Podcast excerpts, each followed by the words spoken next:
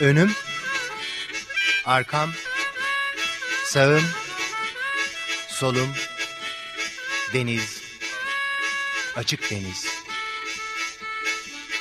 Hazırlayan ve sunan Beysun Gökçin.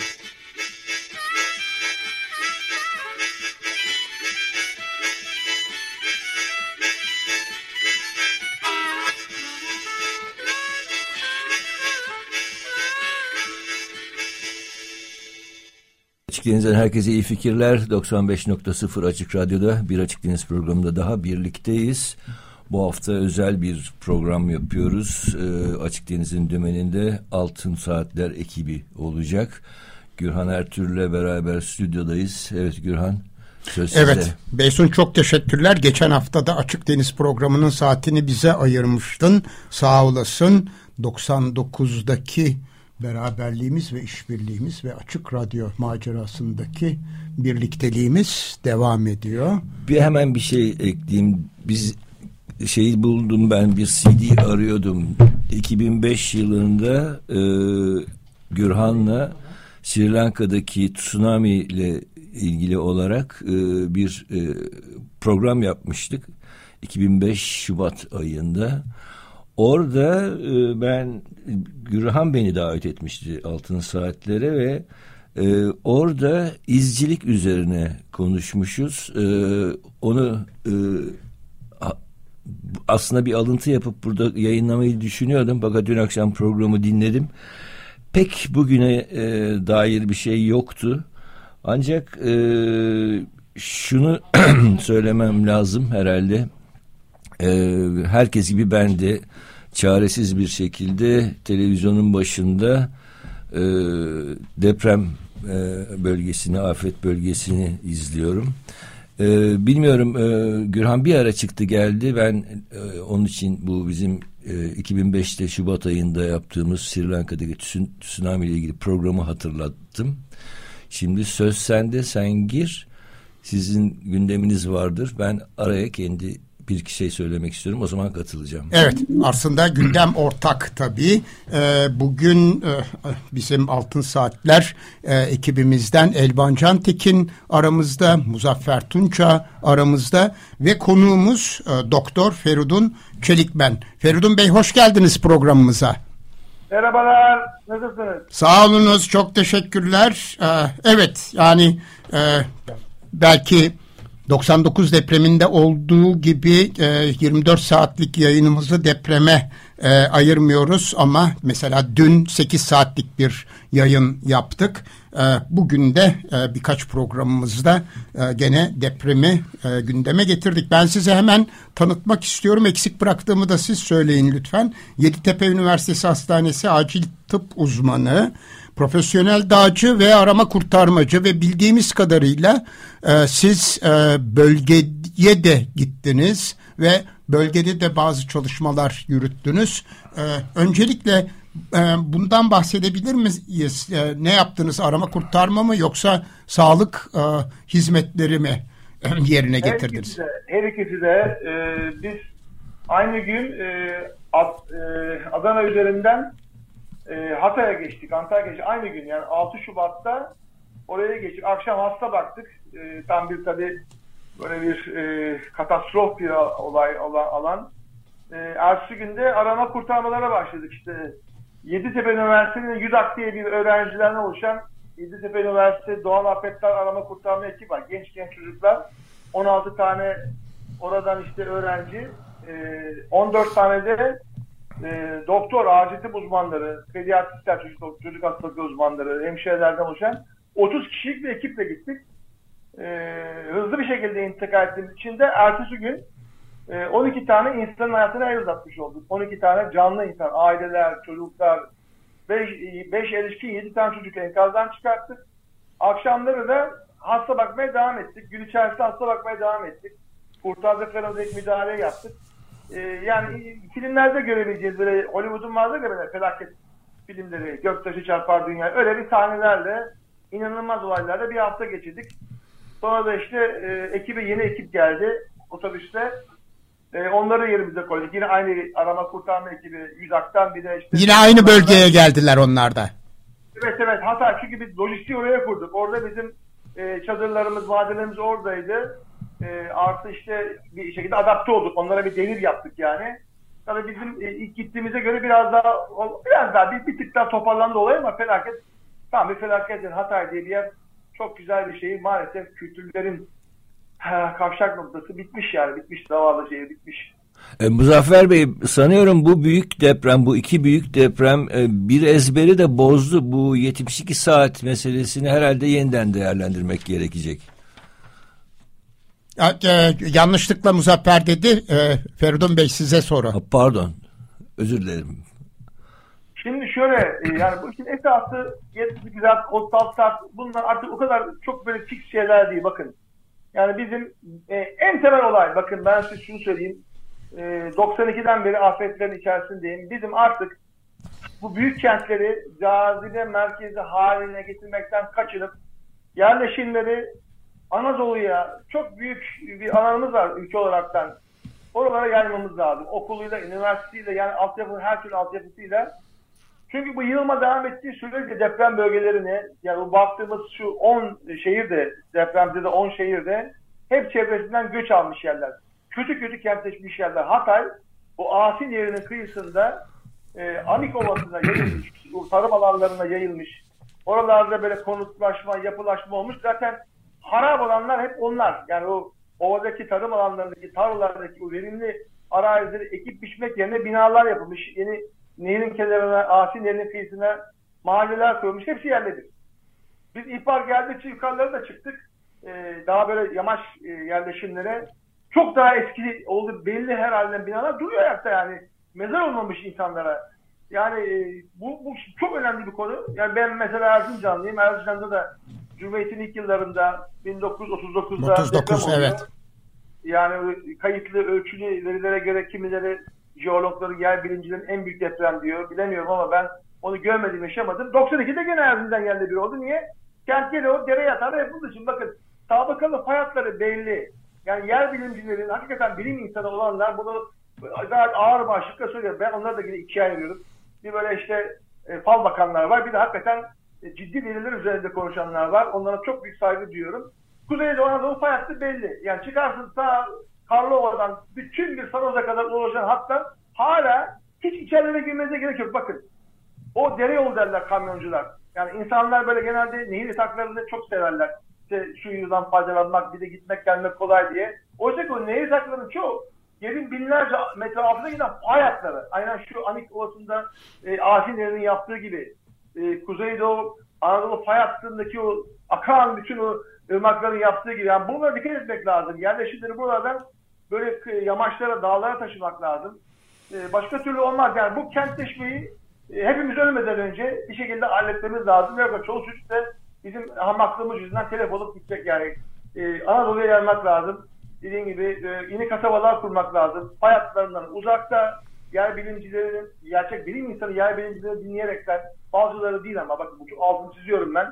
Fal bakanları değil, oradan buradan böyle e, abidik gubidik bilgileri tırtıklayanları değil, ciddi. Gelip mesela sahada çalışan benim arkadaşlarım var. Biri bilinen değerli. Yine işte böyle Naci Hoca gibi hakikaten yıllar önce bu konuda uyarmış insanlar var. Yani alt lisenin bir mutlaka mutlaka e, yerleşmeye yaymamız lazım. Bu yapmadığımız takdirde bizim yaptığımız yaraya merhem. Yani şu e, geçmişte e, 99'da Akut'la e, bu 6 Şubat felaketinde genç üniversite öğrencileri hekim arkadaşlarımla yaptığımız işler yaraya merhem. Yani çok çok böyle aman böyle diyeceğiniz bir olaylar değil ama tabii 12 tane insan sonuçta onlar için de değerli yapılanlar. Yani onlar bir gitmesek belki de binlercesi gibi onlar da enkaz altında kalacaklar. Yani mini çocuklar, bir tane çocuk çıkardık. Yani insan kendisi anne baba olunca daha çok daha farklı bakıyor olaya.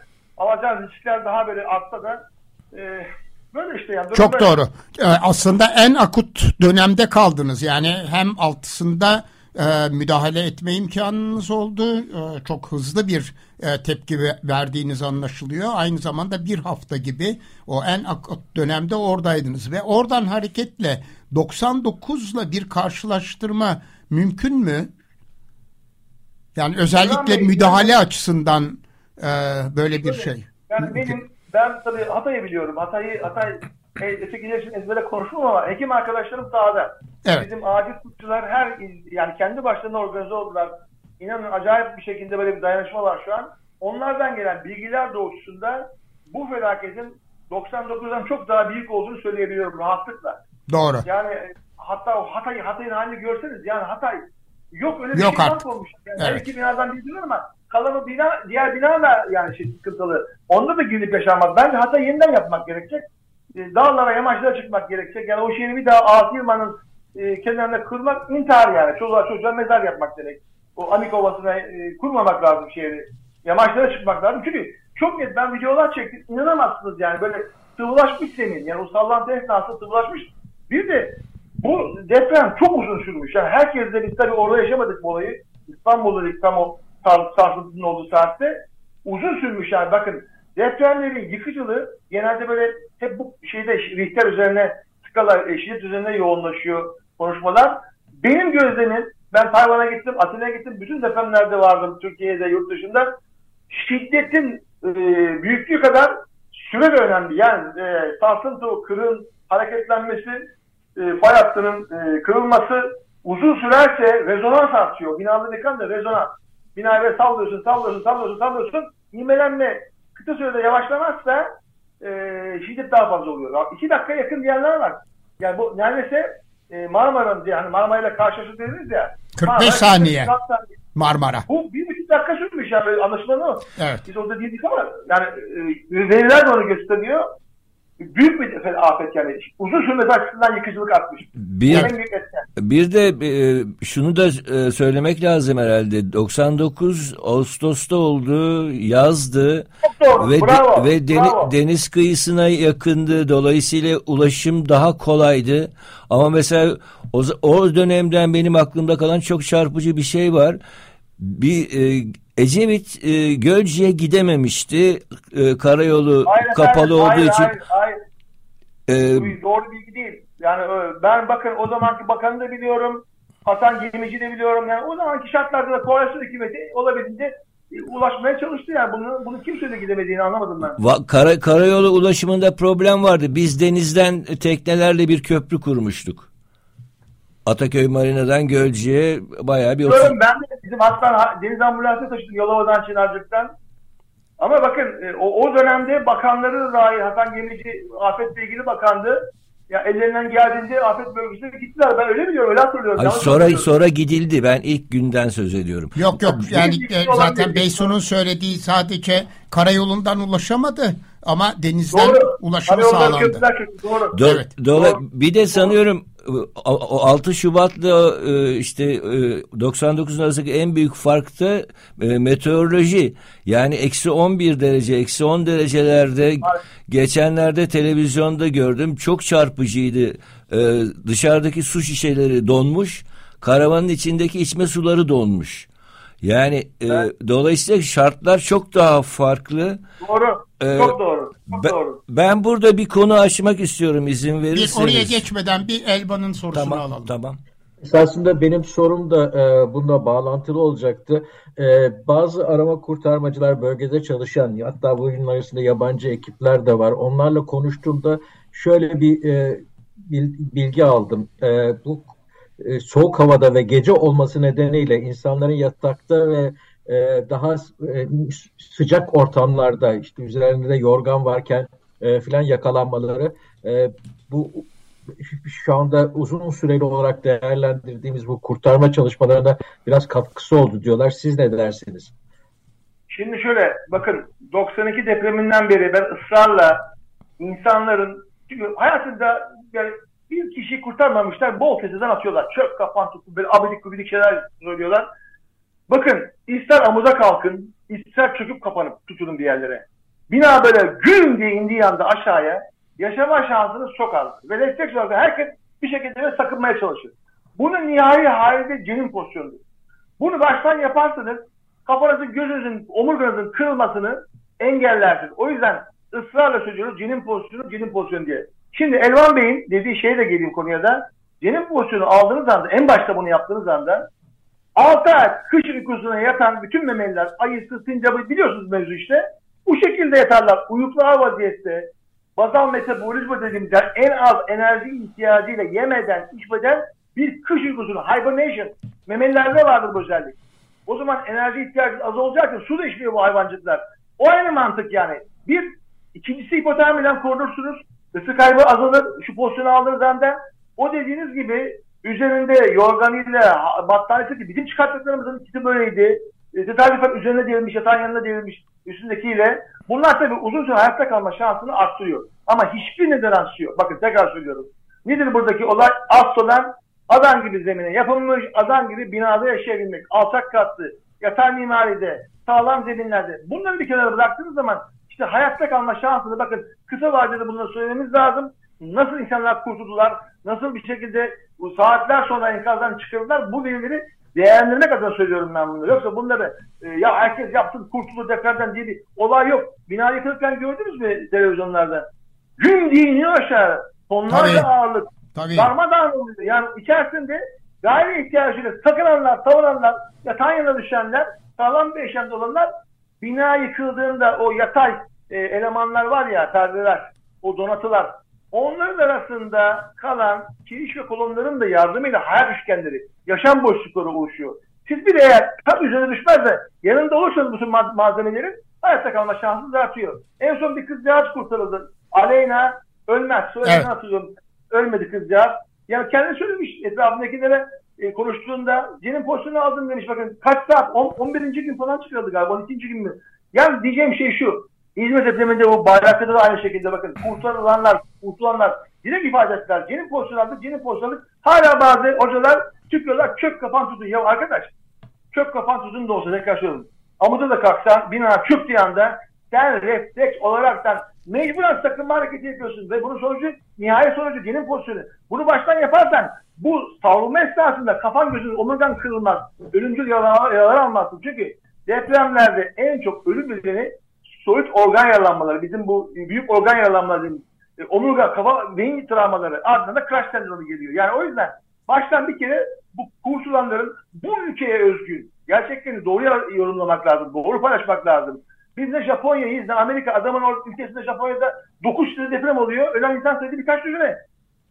Yani bunu, bunları görmek lazım. Binalar yıkılmıyor. Amerikalı'nın evleri biliyorsunuz genelde hep böyle göl kıyısında bilmem ne 3 katlı 3 katlı evler. Downtown'larda da çelik konstrüksiyon yapıyorlar. Kaya zemini yapıyorlar. New York'a gidin Manhattan e, tamamen kayadır gibi. Ta Hollandalılar olan iş göçmenlerden de kayadır zemini. Şimdi bizim memlekete bakıyoruz İstanbul'da mesela Finansi kurulmuş Ataşehir'de. Onun zemini nasıl acaba? Hiç gidip merak eden oldu mu? Böyle birbirine değen gökdelenler, burgulu burgulu binalar, cam kaplı binalar. Yani bu İstanbul'u hakikaten çok ciddi rehabilite etmek lazım. Herkes kafasına göre iş yapmaması lazım. Çok iyi zemin lazım, çok iyi yerleşim lazım, çok iyi planlama lazım, çok iyi bina kalitesi lazım bilemiyorum yani nefesimiz gücümüz bunlardan tabii öteye geçmiyor. Ben hemen bir şey sormak istiyorum e, Feridun Bey. E, tabii şimdi yaralılar var. Özellikle de onların acil e, sağlık hizmetlerine kavuşması gerekiyor. O anlamda bölgedeki gözlemleriniz ve yapılması gerekenlere ilişkin söylemek istedikleriniz var mı? Valla çok hızlı bir şekilde oraya intikal ettik. Görevi devrettik. Şu anda sürekli veri akışı var. Hala hazırda e, çıkarılan insanların çünkü mesela bizim gittiğimiz Hatay'daki hastane şehir hastanesi. Böyle dışarıdan bakıyorsun fır fır camlı mamlı falan filan ama bina kullanılamaz halde. Doğru. Arka taraftan gitmiş bina. Yani e, çok büyük bir e, şey mücadele var. E, biz yani yapmadığımız şey kalmadı orada inanın bana. Fasyotomiler, neler neler cerrahi müdahaleler. Ama işte dediğim gibi yani iş olduktan sonra merhem, yaraya merhem. Ama biz en azından yaraya tuz biber dökmeden yarın merhem olmaya çalıştık. Yani bir takım şeyleri böyle bağrımıza bastık. İnşallah önümüzdeki süreçte yani düzgün, düzgün işler yapılır. Yoksa çok büyük tepkim var benim de var. Yani konuşacağım çok şey var da evet. yani şimdilik yaraya çocuklar olmasın diye merhem aşamasındayız. Yani üzücü, üzücü şeyler, çok üzücü şeyler hakikaten. Çok evet. büyük sıkıntılar var. Yılların, yılların 50 yıl, 60 yılın birikimleri, saçmalıkları var. Çok doğru. Peki Feridun Bey izninizle ben bir konuyu açmak istiyorum. Şimdi genelde biz hep gelen depreme göre hazırlanıyoruz. Bir de benim işte herkes gibi ben de çaresiz bir şekilde televizyonlarda tan sadece tanık oluyoruz. Şöyle tespitim var şu anda de, afet bölgesinde elektrik problemi var, su problemi var, e, barınma var, ba barınma var, iletişim problemi var. Şimdi babam apartmana girdi geceydi elinde bir tane mandallı e, el feneri vardı ve pilli değildi dinamoluydu. Sen herkes hatırlar işte eski bisikletlerde hemen yan tarafta bir dinamo vardır. E, lambasını, farını o yakar. Şimdi bizim tasarımcılara ihtiyacımız var. Bakın afet bölgesinde şu anda en kolay bulunan şey insan gücü ve ateş. Şimdi e, bir dinamo tasarlanıp elektrik üretilebilir. Yani bu şey içinde güç olarak insan gücü kullanılabilir. Yani bunu biz mesela tekneyi de karaya çekerken ben hatırlıyorum 30-40 kişi koca bir tekneyi çekerdik. Yani insan gücü çok önemli bir kaynak ve kullanılabilir vaziyette. Ve tabii en kolay ulaşılır şeylerden bir tanesi de ateş. Şimdi ben o anlattığım o donmuş suları görünce aklıma şu geldi. Yani ateş var.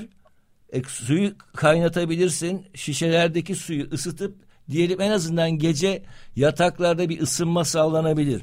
Ee, şey e, bu e, endüstriyel tasarımcıların bence devreye girmesi gerekiyor. İnsan gücüyle çalışan e, aletler tasarlanmak ki bunlar var dinamolar. Bunlarla aküler şarj edilebilir. Aküler şarj olunca da zaten bu iletişim meselesi hallolabilir. Ayrıca mesela deprem çantasında mutlaka telsiz olmalı. Çünkü telsiz bütün altyapılardan bağımsız olarak iletişim kurula, kur, kurabildiğimiz bir alet. En azından biz denizde okyanusun ortasında adam telsizle ve istasyondan istasyona telsizin şöyle bir avantajı var. Diyelim ki 5 kilometre sonra sonraki bir istasyondan daha sonraki istasyona ulaşarak en azından iletişimsiz kalınmayabilir. Yani özetle söylemek istediğim bu e, şeyin e, madem deprem coğrafyasında yaşıyoruz buna göre deprem sonrasına dair teknolojiler üretmemiz gerekiyor. Yani dışa, dışa bağımlı olmadan oradaki yaşam konforunu sürdürebil en azından belli bir standartta sürdürebileceğimiz aletlerin tasarlanması gerekiyor. Ben olsam mesela endüstriyel tasarımda uğraşıyor olsam bunu bayağı bir proje konusu haline getiririm. İnsan gücü ateşle ne tür aletler yapabiliriz ki deprem sonrasında öncesinde değil sonrasında e, oradaki insanların belli bir standartta hizmet almalarını sağlamak. Bu çok ciddi bir konu bence. Bilmiyorum sizler biliyorsunuz e, bu tür alanları ne dersiniz?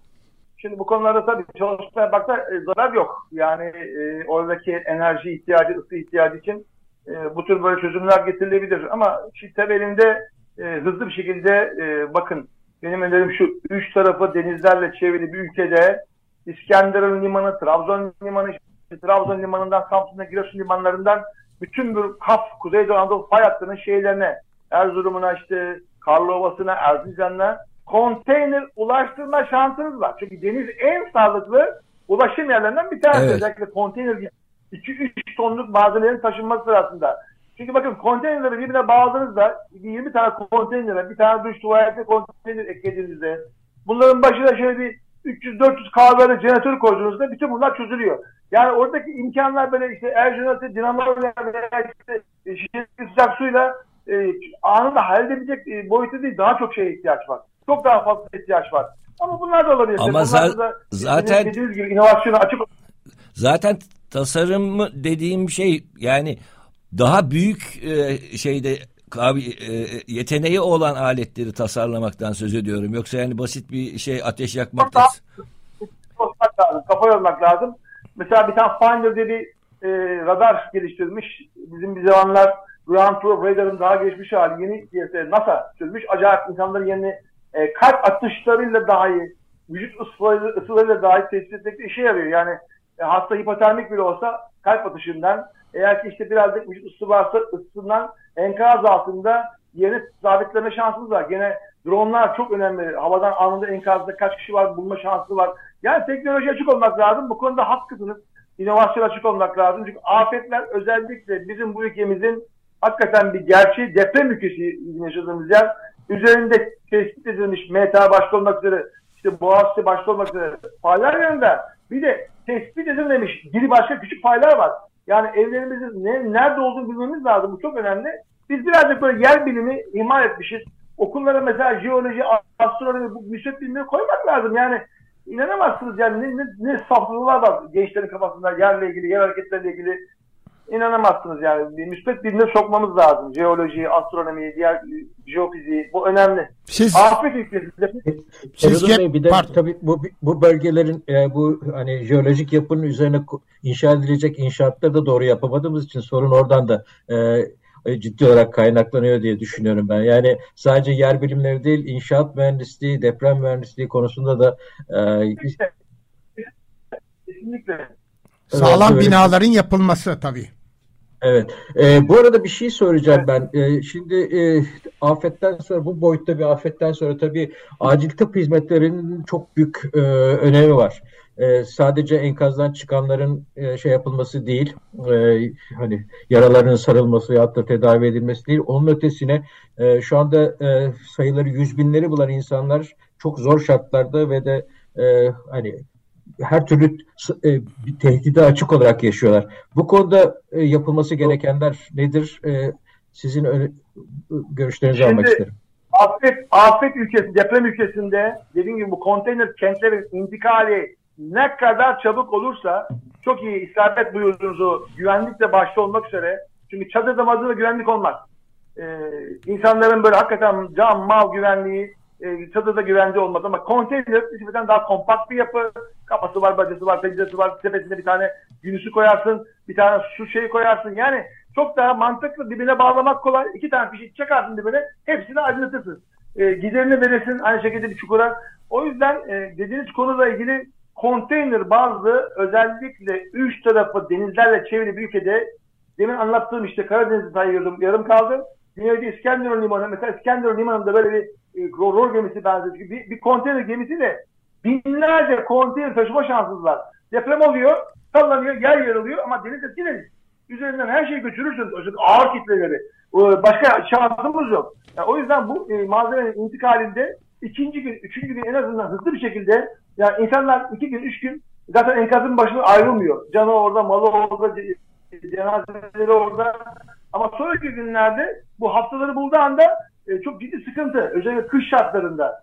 e, Özellikle gece olan depremlerde. Bir an evvel konteyneri pat pat pat lardan belirlenmiş yerlere koyduğunuz anda büyük ölçüde en azından çıkanların büyük bir ihtiyacını karşılamış olursunuz. Barınma, yemek yeme, aydınlanma, ısınma. Bunları ısıtmak çok kolay, çok mantıklı. Böyle yağlı radyatörler ve içerisinde dediğim gibi fişi taktığın anda elektriği verdiğin anda 200-300 kahve jeneratörle e, ciddi sayıda binlerce insanı aynı anda e, aydınlığa ve ısıya kavuşturma şansın var. Ama Feridun Benim e, birazdan bir Zoom bağlantım Ya- bir Zoom bağlantım daha var.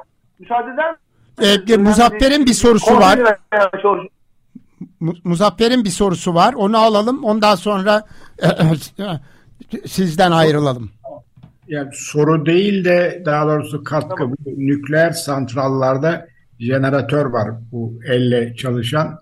Oralara e, sığınaklarda yapılıyor. Onu ben bir hatırlatmak isterim. Belki biraz geç kaldım ama e, bir de bu konteyner işinde zannediyorum mesela İzmir Belediyesi e, yerinde Hatay'da e, imalat yapıp e, orada e, konteynere temin ediliyor.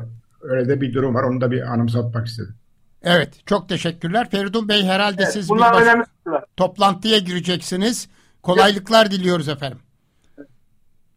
Sağ olun, çok teşekkürler. İyi yayınlar. Sağ olunuz. Çok teşekkürler.